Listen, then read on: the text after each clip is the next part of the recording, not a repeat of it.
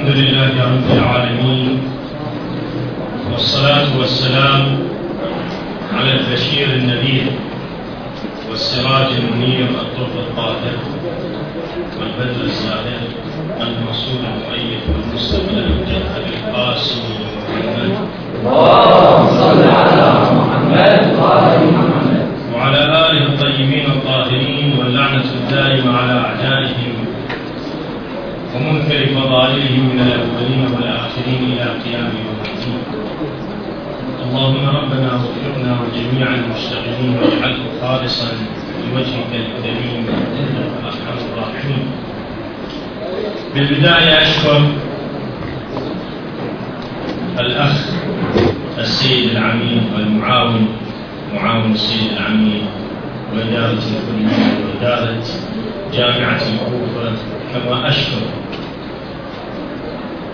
مؤسسة الإمام المهدي للأبحاث الاختصاصية وبالخصوص الأخ العزيز سماحة حجة الإسلام السيد محمد القبنشي حفظه الله تعالى وباقي الأخوة الذين تجشموا في تهيئة الظروف المناسبة للقاء والحديث عن سيدنا ومولانا بقية الله في الأرض عجل الله تعالى فرجه الشريف عندما نعنون الحديث والبحث التقدم الحضاري في دولة الإمام فالعنوان يتحدث عن جانب من جوانب ما يظهر ويتجلى في دولة صاحب الأمر تلاحظون العنوان يتحدث عن تقدم حضاري كما أنه يتحدث عن الدولة الخاتمة للدول. الموضوع عندما تريد أن تتحدث عن الدولة كمفهوم سياسي وأثر الدولة في بناء المجتمع المتقدم أو العكس أثر الدولة في تأخر الإنسانية. هذا الموضوع بنفسه يحتاج إلى حديث مفصل ومستقل كما تعلمون. يعني ما هو الدور ومقدار الدور للدولة في بناء المجتمع الصالح وفي بناء الإنسان الصالح؟ هل هنالك معادلة طردية أو عكسية بين المجتمع الصالح وبين الدولة الصالحة. أو ليس هنالك علاقة هذا التصور. قد أخذ في مجمل أبحاث تحدثت عن الدولة وأثر الدولة في المجتمع. لا أريد أن أتطرق إلى كل ذلك البحث وإنما من المقطوع به أن للدولة دور كبير في بناء الإنسان. بغض النظر عن كل خصوصيات ما يمكن أن يقال في هذا الصدد وبهذا الصدد. للدولة كدولة كبناء دور في بناء المجتمع الصالح وفي بناء الإنسان الصالح. أما مقدار هذا الدور وحدود هذا الدور وتطور هذا الدور فهذا الموضوع بنفسه يحتاج إلى بحث وحديث. يمكننا أن نعنون حديث آخر عندما نتحدث عن الدولة الإسلامية التي أسست في عهد النبي صلى الله عليه وآله وهي أول دولة إسلامية بل أول دولة بمفهومها المعاصر نشأت في جزيرة العرب. صح هناك كانت دول أخرى خارج هذه البقعة الجغرافية كالدول التي كانت في الشرق أو في الغرب الروم أو الفرس أو الغساسنة أو المنابر إن صح عليهم اسم الدول. ولو يعني رؤية في هذا في هذا الخصوص. ولكن في الجزيرة العربية تعتبر الدولة المحمدية التي قام بها النبي صلى الله عليه وآله وسلم أول الدول بمنظور حضاري بما يؤدي وبما يملك للدولة من مفهوم. أما هذه الدولة أخذت منحا آخر بعد رسول الله صلى الله عليه وآله. هذا المنحى لا أريد أن أتحدث عنه بلحاظ عقائدي وانطلاقة عقائدية ورؤية شيعية صرف وإنما أشير إلى أن انتكاسا كبيرا قد أصابت هذه الدولة ونقلتها من شكلها الحضاري وبنائها المؤسساتي إلى الروح القبلية التي كانت تحكم المجتمع العربي قبل رسول الله صلى الله عليه وآله وسلم. ولذلك خسرت الدولة كثير من من مفاهيمها الاستراتيجية كما خسرت الدولة بعد رسول الله صلى الله عليه وآله وسلم كثير من مؤسساتها على الواقع. والواقعية ومن جملتها المؤسسة القضائية التي كانت قد انفصلت عن المؤسسة التنفيذية والتشريعية في دولة رسول الله صلى الله عليه وآله وسلم. لا أريد أن أطيل الكلام إنما هناك نموذج آخر تطور آخر أو استرداد استرداد واسترجاع للدولة في حياة أمير المؤمنين عندما صار صلوات الله وسلامه عليه خليفة للمسلمين. هذا يحتاج أيضا إلى بحث. أتعرض أو يحتاج إلى بحث يتعرض إليه الباحث والمتحدث لتحديد مفهوم الدولة برؤية إسلامية ومفهوم الدولة برؤية عقائدية مذهبية شيعية. لكن هناك خاتم الدول.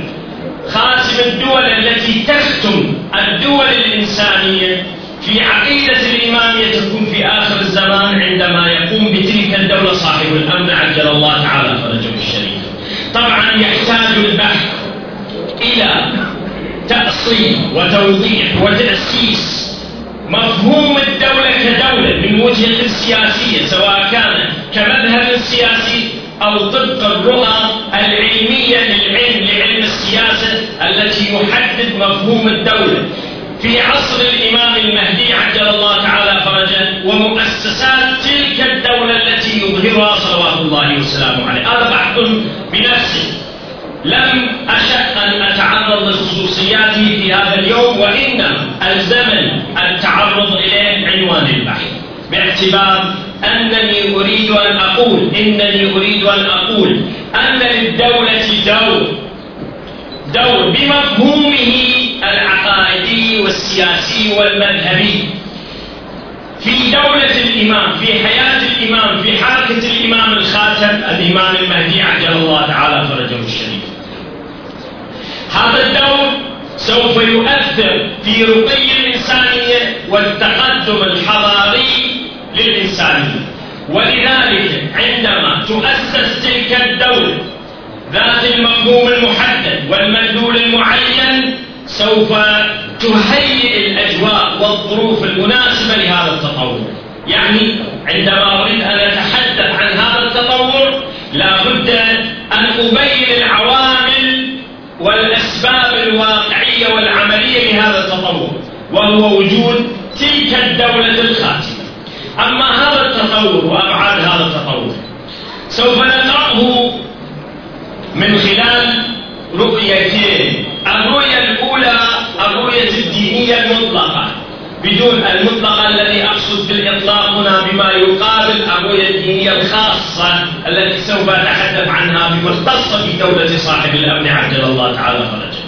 هناك رؤية دينية مطلقة تعبر أن لو توفرت تلك الدولة. ولو توفرت تلك الأسس الموضوعية سوف بطبيعة الحال يتحقق القسم الثاني الطردي المرتبط بهذا القسم الأول. يعني لو كانت هناك دولة إسلامية وكان مجتمع إسلامي وتهيأت الظروف المناخية السياسية وغير ذلك من الظروف حينئذ لكان الجانب الثاني من المعادلة يتحقق بشكل طبيعي. وهذا التحقق هو التقدم الحضاري.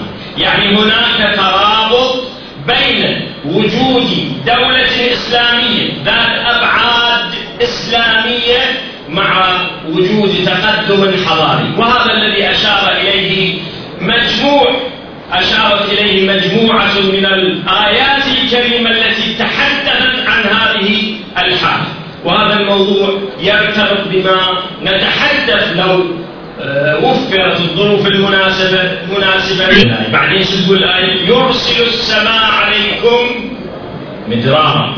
إذا هناك ترابط بين الاستغفار استغفار الله تبارك وتعالى وبين عملية نزول المطر. هذا هذا النزول الإلهي للمطر تتممه الآية الكريمة ويمدكم بأموال وبنين ويجعل لكم جنات ويجعل لكم أنهارا اسمع. شوف الوضع المترابط بين مطر السماء وبين ضخامة المال تداول الثروة أو بقاء الثروة أو تكدس أو تضخم الثروة أي شيء يتعبر عبر وبين كثرة البنين وبين أن تمتلئ الدنيا بالجنات. والجنات هنا قطعا لم يكن المقصود بها جنات الآخرة وإنما هي جنات الدنيا. جنات الدنيا يعني أن تزدهر وتتطور وتتقدم الزراعة في الأرض. ثم تتحدث عن الثروة المائية. بعدما الزراعة وتحدثت عن الأسرة وتحدثت عن عدة أشياء تتحدث عن الثروة المائية فتقول ويجعل لكم أنهار هذه الآية تبين هذه العلاقة والارتباط. اسمع قوله تعالى قوله تعالى ويا قوم استغفروا ربكم ثم توبوا إليه. يرسل السماء عليكم مدرارا. هذا نفس المنطق ونفس المفهوم الذي ذكر في الآية السابقة لكن في مفهوم آخر. شنو التكملة يقول تعالى ويزدكم قوة إلى قوتكم. شوف هذه القوة.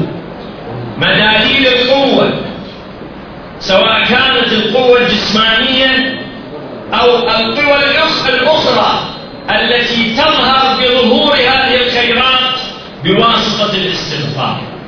إذا برؤية عامة. هناك قضايا مترابطة بعضها ببعض مقدمات ونتائج. استغفر الله تكون نهضة حضارية شمولية تشمل جوانب متعددة من حياة الإنسان بل تشمل حياة الإنسان ككل. هذا المفهوم العام. هناك مفهوم خاص بعقيدتنا كإمامية. نعتقد أن تحقق الدولة ولو هذا قلت لك يحتاج إلى بحث خاص. تحقق الدولة بكل مواقعها الحقيقية لا يمكن أن تظهر خيراتها إلا في دولة صاحب الأمر عجل الله تعالى فرجه الشريف كم هناك من حكومات إسلامية تسلب دولة الإمام صلوات الله عليه ويظهر فيها الخير والبركة ولكن الحكم الإلهي المطلق وتطبيق الحكم الإلهي المطلق منحصر بدولة صاحب الأمر عجل الله تعالى فرجه الشريف. ولذلك فسوف تكون مظهرية تلك الخيرات أتم مظهرية بتحقق دولة صاحب الأمر. وأعلى مستوى من مستويات الرفاهية الإنسانية وأعلى مستوى حضاري تقدمي حضاري للإنسان سوف تكون في دولة صاحب الأمر هذا بالمنطق العام.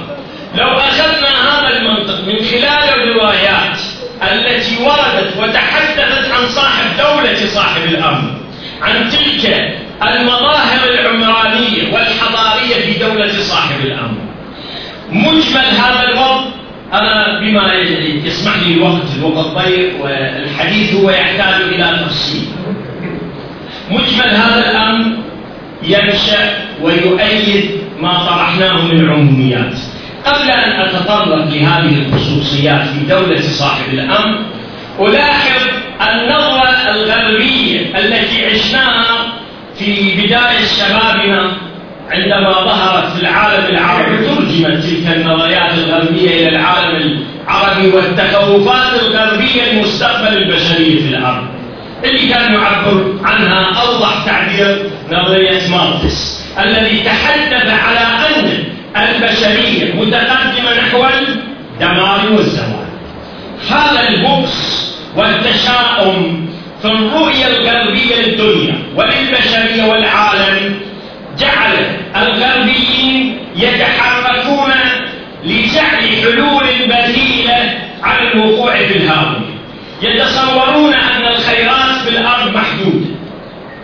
اللي هي مجمل هذه النظرية الغربية التي تزعمها ماركس في ذلك الوقت أن الدنيا تملك الأرض تملك خيرات فبما أن الأرض تملك خيرات محدودة فلا بد أن يكون الإنسان وجوده السكاني في الأرض محدود بمحدودية الأرض. ومن هذا المنطلق ومن هذه الفكرة نشأت وبقوة نظرية تحديد النسل التي دعا إليها الأوروبيون الغربيون في بداية آه القرن العشرين وما زال لحد الآن يؤمن بهذه النظرية في تحديد النسل ويدعو إلى تحديد النسل لأجل إيجاد نهاية لهذه التخوفات وحالة البؤس التي يعاني منها الإنسان الغربي هذه رؤية. رؤية ترى أن البشرية في حالة دمار وفي حالة هاوية وفي حالة شقاء وهذه البشرية لا يمكن علاجها إلا بأخذ مسكنات الأولية وجرعات لهذه المسكنات لإيقاف البشرية من حيث التعداد السكاني إلى مقدار يمكن للأرض أن تتحمل.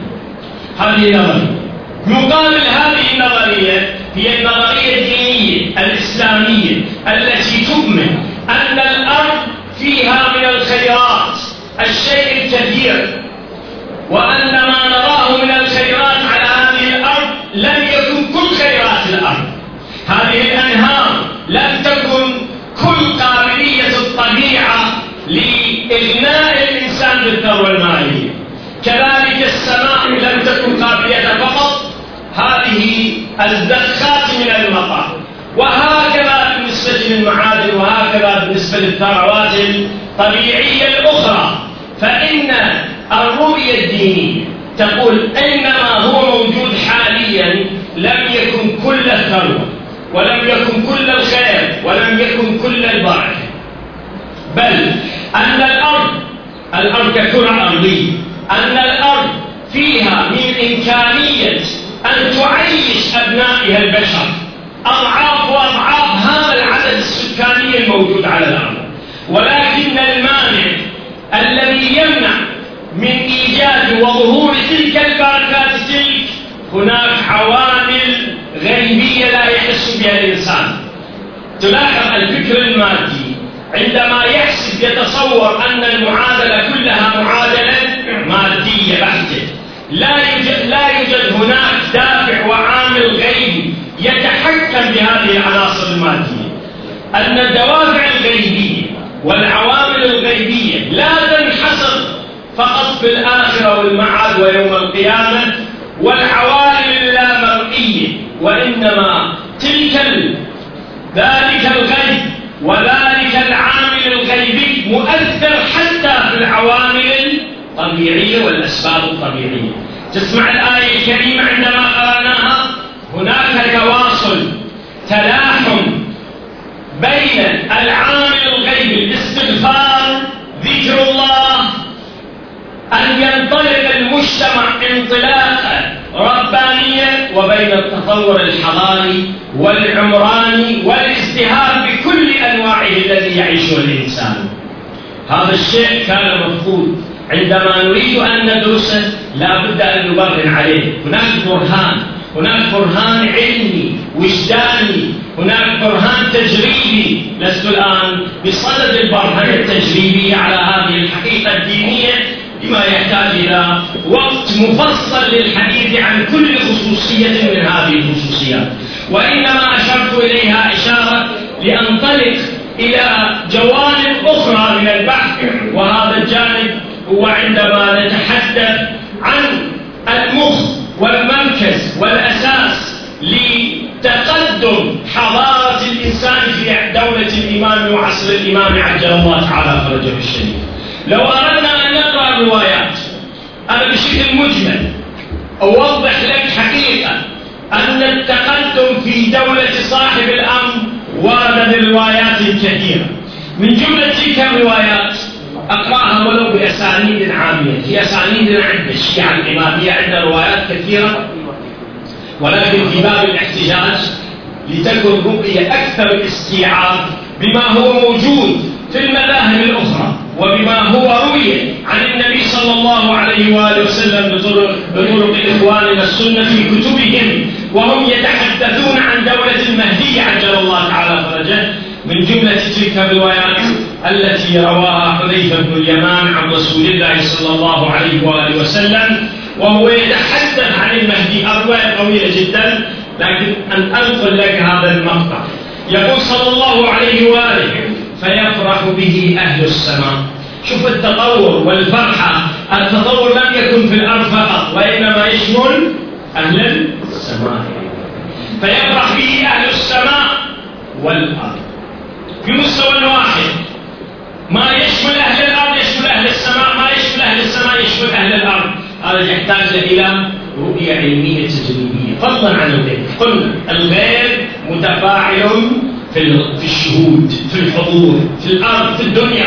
تفاعل السماء الذي التي من عالم الغيب ببعض أوجهها مع الأرض التي هي عالم من عالم الشهود وعالم الظهور وعالم الواقع والوجدان والحضور. هذا التفاعل الثنائي مع الرواية تقول فيفرح به أهل السماء والأرض. والطير. هذا البعد الآخر. والوحوش والحيتان في البحر. هذا يحتاج إلى حديث يتعلق أثر يتعلق عن أثر دولة الإمام المهدي عجل الله تعالى فرجه. الشريف. ودور دولة الإمام المهدي عليه الصلاة والسلام بتطور الحيوان مو فقط الإنسان. أنا ما أريد الآن أعلق على نظرية داروين. وأقول أن بعض هذه النظرية في بعض جوانبها كان صحيحا. لأن هذا يحتاج إلى بعض اختصاص تفصيلي قد نوفق في المستقبل إليه. اسمع الرواية ماذا تقول وتزيد المياه في دولته. وتزيد المياه في دولته. وتمد الأنهار. وتضاعف الأرض. وتضاعف الأرض أكلها. وتستخرج الكنوز. ملخص هذه الرواية بما يتعلق مع التقدم الحضاري. والعمراني للإنسان تلاحظ شنو تزيد المياه تمد الأنهار تضاعف الأرض أكلها تستخرج الكنوز. هذه الرواية مع أنها وردت بطرق إخوانية العامة تحدثت عن هذه المظاهر التقدمية الحضارية في دولة صاحب الأمر. الرواية الأخرى أيضا تروى بأسانيد إخواننا عن عبد الله بن عباس عن النبي صلى الله عليه وآله وسلم يقول في عصر الإمام ودولة الإمام وتأمن البهائم. تأمن. الأمن. شوف هذا موضوع مهم. بعدما تحدث عن الثروة المائية عن الزراعة عن الاقتصاد تحدث عن من؟ عن الأمن. أهم معلم من المعالم الفاعلة تقدم حضارة الإنسان. لا يمكن لأمة أن تترقى بلا أمن وتأمن البهائم والسباع. مو فقط الإنسان يأمن. شوف عندما نتحدث عن السلام العالمي والأمن العالمي مرة نتحدث عن الأمن بما يتعلق بالإنسان مرة يتجاوز الإنسان ليتم حينئذ أن يشمل الأمن باقي المخلوقات. وتلقي الأرض أكلال كبدها الرواية هكذا تقول قلت يعني عبد الله بن عباس يقول لرسول الله صلى الله عليه وآله وما افلال اثبانها قال أمثال الاسطوانه من الذهب والفضه شو الاسطوانات هكذا تخرج الخيرات. هذه الرواية الرواية الأخرى التي تحدثت عن هذا الجانب وهي روايات كثيره جدا في الواقع لكني اعنون الحديث ينطلق بما يناسب المقام الرواية يرويها أبو سعيد الخدري عن رسول الله صلى الله عليه وآله في أسامي إخواننا العام. قال صلى الله عليه وآله ينزل على أمتي في آخر الزمان بلاء شديد من سلطانهم شوف أثر الدولة. أثر الدولة التخريب إذا كانت الدولة مخربة كيف تؤثر تلك الدولة في حياة الإنسان المجتمع وفي حياة الإنسان الفرد؟ الدور التخريبي في حياة الإنسان من تخريب الدولة. بمقابل ما قرأناه الدور الفاعل الإيجابي في حياة الإنسان والعمراني والتقدم في الدولة الخيرة. ينزل على أمتي في آخر الزمان بلاء شديد من سلطانهم.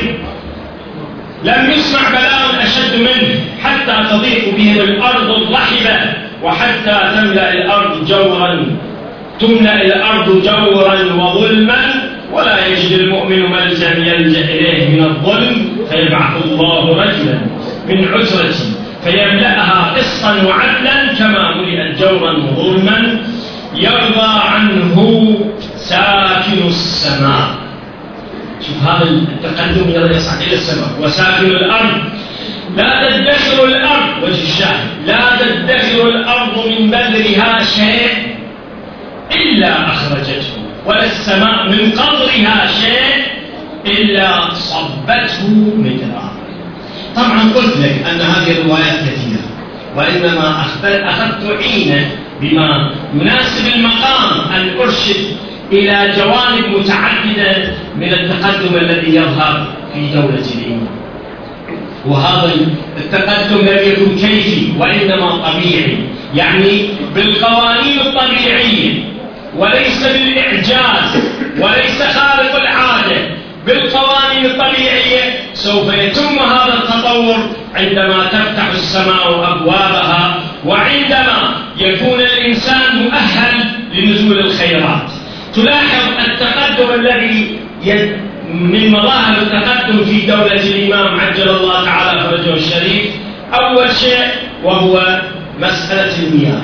الآن ونحن نعيش في هذا العصر.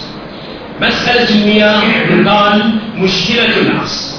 مشكلة القرن الواحد وعشرين هي مشكلة المياه. ويتوقع كما أنتم تقرؤون بالإعلام وكما تسمعون من الاختصاصيين الذين يبحثون عن هذه العويصة والمشكلة لا فقط المشكلة بالنسبة كثروة زراعية أو مسألة مهمة بحياة الإنسان بل عكسها على الوضع السياسي العالمي. أن الحروب المتوقعة بالمستقبل في هذا القرن منشأها شو؟ قلة المياه أول شيء هناك جد أن الأرض تعيش حالة من حالات الجد بعضهم يفسر هذه الحالة كما تعلمون بعنوان أن الأرض ابتدأت ترتفع حرارتها. وربما نصف درجة إلى درجة قد ارتفعت حرارة الأرض مما يسبب هذا الارتفاع للجذب الذي نمر به بالأرض كشكل عام. أنتم في بلاد الرافدين بلاد الخير والنعمة لا تحسون بهذه المشكلة التي التي يحس بها العالم خارج العراق. يعني الآن أطلع من العراق. مثلا هذه إيران هذه سوريا لبنان السعودية مصر إلى آخره من دول الدنيا. عانوا ويعانون حاليا من مشكلة قلة المياه. الآن إحدى المشاكل في المباحثات مباحثات السلام بين لبنان وسوريا من جهة وبين إسرائيل هي شنو؟ تقسيم الثروة المائية يعني مسألة المياه مسألة سوف تدخل في السلم العالمي. فضلا عن دور المياه في الزراعة دور المياه في الاقتصاد دور المياه في حياة الإنسان. لكن هذه الحلول كل الحلول التي تقدم على نمطين النمط الأساسي الآن المرتكز عالميا كما تعلمون أن المرتكز عالميا لإيجاد الحلول الحلول السياسية وهو تقسيم الثروة المائية كالمؤتمر الأخير الذي صار في أفريقيا لتقسيم ثروة آه، مياه النيل. هذه حوض النيل ودول حوض النيل اجتمعوا لأجل أن يتقاسموا ثروة مياه النيل. الآن هذا هذا الموضوع موضوع دول. دول. لتقسيم المياه. لكن هذا التقسيم وهذا الحل حل مؤقت. يعني سوف يوفر لهم فرصة أخرى للعيش في مياه أقل. لكن عندهم مشكلة يعانون منها في تصورهم هو أن الأرض قادمة على جفاف جفاف كلي. جفاف مؤثر في حياة البشرية ككل. ولذلك يحاولون أن يجدوا حلول طبيعية أخرى يستغنون بها عن تلف وإتلاف هذا المقدار الكبير من المياه بمياه أخرى.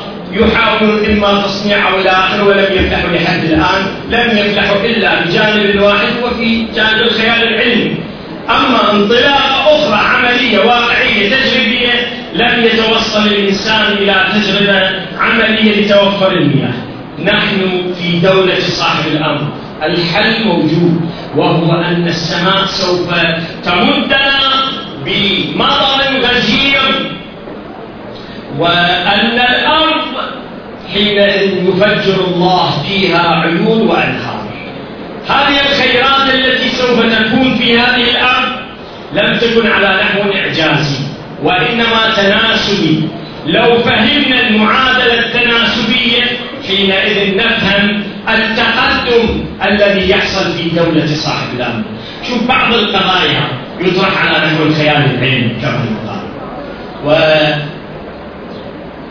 وكما ترون بما يذكر في هذا بهذا الصدد أن أثر الخيال العلمي في الوصول إلى اختراع الآلات المتطورة. فإذا نطرق على الموضوع هذا ليس من اختصاص وإنما أستشهد به لأوصل هذه الفكرة لتوصيل الفكرة المقصود من الفكرة أصلا. وهو ربما أنا وأنت نقرأ بعض الروايات وربما لا نستوعب حدود هذه الرواية. فمرة ننكلها إلى الإعجاز ومرة ننكلها إلى ظروف لم يتوصل إليها الإنسان أنا أقول لك بصراحة أن القوانين الطبيعية اكتشفناها لحد الآن كبشر. القوانين والتطور الطبيعي فضلا عن التطور العمراني والحضاري الذي وصل إليه الإنسان لم يكن كل اكتشافاته. يعني أن القوانين التي اكتشفناها حاليا لم تكن كل القوانين التي تملكها الطبيعة. وإنما هناك قوانين أخرى لم يتوصل إليها الإنسان. في طور الاكتشاف اللي إحنا نسميه يظهروه في الخيال العلمي. هذا الخيال العلمي ربما يكون على الأرض. نحن على يقين أن هناك كثير من القوانين الطبيعية التي لم يكتشفها الإنسان حاليا إنما سوف تظهر ويظهرها صاحب الأمر عجل الله تعالى فرجه الشريف الذي ما لم يؤت أحدا من العالمين. الإمام ليس عالم بقوانين الشريعة فقط أو قوانين اللغة أو العلوم الإنسانية بشتى أنواعها وأصنافها. وإنما الإمام المعصوم. عجل الله تعالى فرجه الشريف إنه عالم بكل قوانين الحياة. سواء كانت على مستوى فيزيائي أو كيميائي أو أي نوع من أنواع تلك القوانين التي تحكم حياة وتطور الإنسان. عندما يظهر ويخرج كنوز الأرض أحد التفاسير لكنوز الأرض لم يكن المقصود من هذا الكنز هو الكنز من الذهب والفضة المادي فحسب. وإنما قد يكون والله العالم كما تشير إليها الروايات الكثيرة تشير إلى هذا المعنى هو أن الإمام يظهر مبادئ القوة وقوانين القوة وقوانين القدرة يظهرها للإنسان. يعني يعطيه تلك القوانين التي يستطيع بها الإنسان أن يوفر لحياته أفضل العيش وأهنع العيش وأحسن العيش. يعني أن الإمام من جملة الأشياء التي يأتي بها هي تلك القوانين. أنا أعطيك رواية واحدة من تلك التي تشير إلى هذا المعنى. التي تحدثت عما يظهر في دولة صاحب الأمر عجل الله تعالى فرجه الشريف. هذه الرواية في الخرائج للراودي وهو من كبار علماء رضوان الله عنه عن الإمام الصادق عن أبيه الباقر عليه السلام قال إذا قام القائم بمكة عجل الله تعالى فرجه وأراد أن يتوجه إلى الكوفة نادى مناديه ألا لا يحمل أحد منكم طعاما ولا شرابا؟ لا يحمل أحد منكم طعاما ولا شرابا. لأن هذا الجيش ضخم. الجيش القادم 313 في بعض الروايات أن كل قائد يشد له الإمام راية على 10 أو 12000 فيزيدون. لاحظوا العدد. العدد عدد ضخم إذا 10000 كل قائد أو 12000 كل قائد احسب كم مليون يكون جند صاحب الأمر عجل الله تعالى فرجه الشر هذا يعطيك حالة تفاؤلية لمن كان ويكون معه عجل الله تعالى فرجه. من حيث الكم والأمل أن نكون ضمن هذا الكم. ألا لا يحمل أحد منكم طعاما ولا شرابا من يطعم هذا الجيش الضخم. من يشرب هذا الماء. من الماء يجيب لهذا الجيش الضخم ويحمل معه حجر موسى الذي نجست منه اثنتا عشرة عينا فلا ينزل منزلا إلا نصبه. فانبجست منه العيون. فمن كان جائعا شبع ومن كان ظمآن روي. فيكون زادهم حتى ينزل النجف. من ظاهر الكوفة فإذا نزل ظاهرها انبعث منه الماء واللبن دائما. فمن كان جائعا شبع ومن كان عطشانا طويل هذا المنطق ربما نفسره تفسير اعجازي المعجزة حبيبي على نوعين المعاجز. النوع الأول من المعاجز تبقى دائما إلى أن ياتي الله سبحانه وتعالى بعلمه تبقى خارقه لقانون الطبيعه يعني على الدوام والاستمرار. وهناك نوع من المعجز. هناك نوع من المعجز. الخلق يكون نسبي مثل مثل السحر.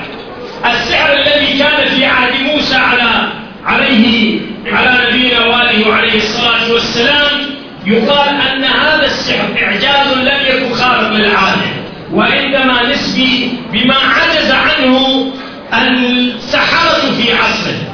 والمقصود من النسبية هنا هو أن هناك في الطبيعة قوانين لم يتوصل إليها البشر في ذلك العصر. يستخدم النبي بما أوتي من قوة بالعلم والمعرفة بما أوتي من قوة بالعلم والمعرفة. يستخدم قوته العلمية وعلومه التي لم يعرفها باقي البشر لإظهار ذلك الخارق وحينئذ لو سئل من أين يقول من الله سبحانه وتعالى باعتبار أن الله هو الذي علمه على هذا القانون ومما يؤيد ويؤكد إعجاز ذلك النبي على نبينا وعليه وعلى جميع الأنبياء له التحية والسلام. هناك في حياة الإمام ربما يقال نوع من هذا الإعجاز. يعني هناك إعجاز رباني لا إشكال. كما جرى على يد سائر الأنبياء جرى يجري على يد الإمام المهدي عجل الله تعالى فرجه. وهناك إعجاز سبقي يعني تقدم علمي حصل عليه الإمام لم يحصل عليه السابقون. قد يكون من ذلك حجر موسى عليه الصلاة والسلام الذي يكون مع المهدي عجل الله تعالى فرج هذا الموضوع مهم ودقيق لا أريد أن أخوضه بكل تفاصيله وإنما بالشكل السريع من أجل إيصال الفكرة ليس إلا. وأما الخصوصيات فيمكن أن نناقش فيها للتوصل إلى رؤى صحيحة تنسجم مع العقيدة الصحيحة. أريد أن أقول أن هناك تقدم حضاري علمي يسبق الخيال العلمي اللي موجود حاليا. ويطبق أو ينفذ كثير من النظريات الخيالية العلمية يكون تطبيقها في دولة صاحب الأمن عجل الله تعالى فرجه هذا السبب يجعل هناك التقدم في الزراعة. التقدم في الزراعة كما قرأت هذه الآية الكريمة أن الله سبحانه وتعالى يجعل في دولة صاحب الأمر الروايات التي تتحدث عن يجعل الأرض خضراء. هذه الجزائر التي نراها جزيرة جزيرة العرب أو جزيرة العراق أو غير ذلك من الصحاري الواسعة في الأرض. هذه الصحاري تتحول إلى جنات وعيون تمتلئ بالخضرة والخضرة التي تفيد الأرض. كما أن هنالك خضرة تفيد حياة الإنسان لتعبر الرواية التي قرأناها عنه عليه أفضل الصلاة والسلام أن هذه آه، الأكل وتضاعف الأرض أكلها الأكل أشياء الثمرات المأكولة تسمى أكل وتضاعف الأرض أكلها حتى النوع سوف يختلف. إذا عدنا من الثمرات لنأخذ 100 نوع سوف يتكاثر هذا النوع هذا السبق أيضا ربما للتركيب بين الأثمار الذي لم يكن معروفا في زمان أئمة عليهم أفضل الصلاة والسلام.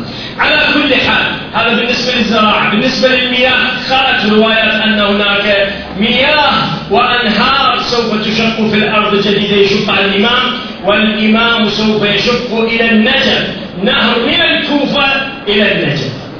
الرواية هكذا تقول. من كربلاء إلى النجف ويشق ما قالت من الكوفة الرواية قالت من كربلاء. ويشق الإمام نهرا في رواية وتقول ويكري الإمام نهرا من كربلاء إلى النجف يعني هذه الصحراء التي نراها حاليا.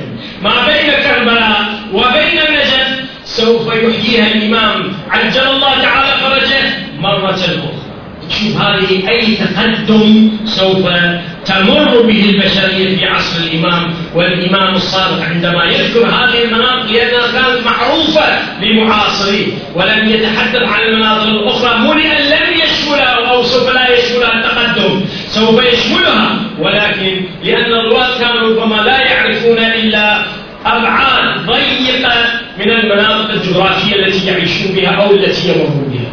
إذا أردنا نرى التقدم الاقتصادي في دولة الإمام تلاحظ أثر المال أثر المال في الاقتصاد اقتصاد الدولة اقتصاد اقتصاد الفرد أثر المال في التطور والتقدم. يعني البعد الاقتصادي في تطور حياة الإنسان. عندما نقرأ الآن مثلا في الفكر الماركسي يتحدث عن أن العامل الأول والآخر في التطور الحضاري عند الإنسان هو شنو؟ هو العامل الاقتصادي. يأتي كالإسلام فيجعل هناك عوامل متنوعة للتطور. أهمها أهمها العامل الاقتصادي. وكيف يمكن لهذا التطور الاقتصادي في توفير الحياة والهانية والحضارة المتقدمة للإنسان؟ هذا بنفسه يحتاج إلى بحث. مستقل آه، لا أخال لا أخالني أتمكن من الحديث عنه لضيق الوقت لكن أريد أن أقول هناك شعب كثيرة من الحديث عن حضارة الإنسان في دولة الإمام هذا التقدم الحضاري مرة نقرأه بهذه الأطروحة ومرة نقرأها. هذا التطور من من حيث المدن وترتيب المدن وبناء المدن. يعني الجانب العمراني في المدينة وأثر المدينة وبناء المدينة وكيفية بناء المدينة في دولة صاحب الأرض هناك كل واحد من هذه كل مفردة من هذه المفردات التي طرحتها والتي لم أطرحها. الجانب الأمن الجانب العسكري. لحاظ بناء المدن التقدم العمراني لحاظ التقدم بالصناعات التقدم بالتكنولوجيا. آه، كل شيء كل هذه مسائل مسائل تحتاج إلى حديث مفصل. وهناك تقدم يحدث في الإنسان نفسه. يعني في قدراته العقلية في إدراكات الإنسان سوف يحدث تطور آخر. أما كيف يتم هذا التطور؟ في قدرات الإنسان وبين التطور الذي يحدث في الآلة أو في التقدم التكنولوجي والتقدم الذي يحدث على الأرض فهذا يحتاج إلى حديث آخر. أسأل الله التوفيق لي ولكم والحمد لله